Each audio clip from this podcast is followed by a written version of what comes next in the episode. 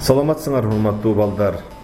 Мен бүгүн силерге сулайман рыспаев агабыздын ата болгон адам өлбөйт деген жомогун окуп берейин. Илгери илгери даңкы далайга кеткен бийлиги жердин четине чейин жеткен өкүмү аткарылбай калбаган күчтүү да каардуу да бир падыша жашаптыр. Жылдар өтүп падышанын жашы жүздөн ашып өмүрдүн экинчи жүз жылдыгына таянат. Ошондо да кайратынан жанбайт жашоонун кумарына канбайт атадан мураска калган алтын тагын баласына да бергиси келбей бул дүйнөгө түркүк болчудай өлбөстүн суусун издетет. Жигиттерин жер кездирип мүрөктүн суусун билген мергенчи угуучуларды өмүрдүн айласын таап ажалды алыска кууган касиеттүү дарыгерлерди адамдын акылы жеткисти туюп билген көз ачыктарды алдырат. Бирок балдардын бири да падышанын талабын орундата алышпайт. Өлбөстүн дабасы жок экенин айтышат. Демек өлбөстүн дабасы жок экен да деп күрсүнүп падыша ооба дешет жалпы өлбөстү кудай жасабайт сынбасты адам жасабайт. Мындай ачуу чындык эзели жеңилип көрбөгөн падышанын көңүлүн муюта албайт. Падыша алардын баарын орго салдырат. Арадан убакыт өтөт.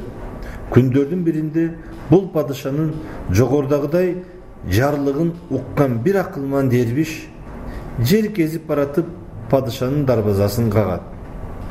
Падыша аны алтын сарайында аземдеп кабыл алат.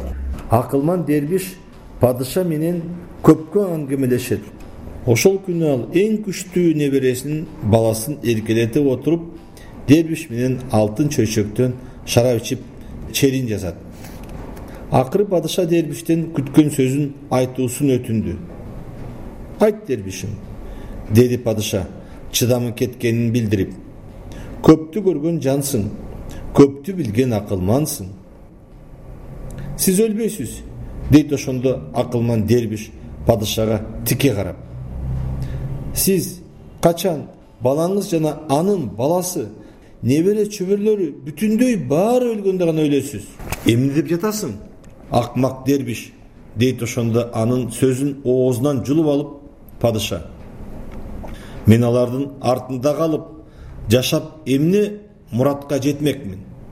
Жок жаңыласыз падышам. Менин сөзүмдү угуңуз.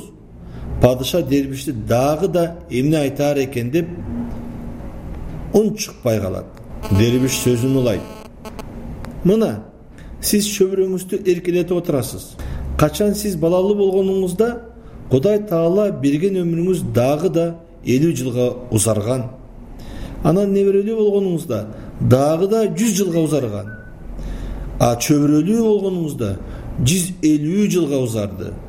Ушинтип сиздин укум тукумуңуз узарган сайын сиздин өмүрүңүз да узарып сиз өлбөстүктү көздөй бара бересиз. Анан сиз өлмөк белеңиз.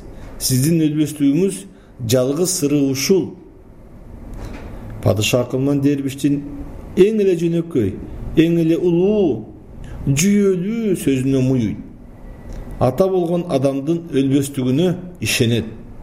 Ошондо дербишти өзүнө кеңешчи кылып куру бекер күнөөлөп орго салгандарын куткарат. Ошентип ошол падышанын укум тукуму бүгүн да уланып ал падыша биздин арабызда бүгүн да жашап келатыптыр.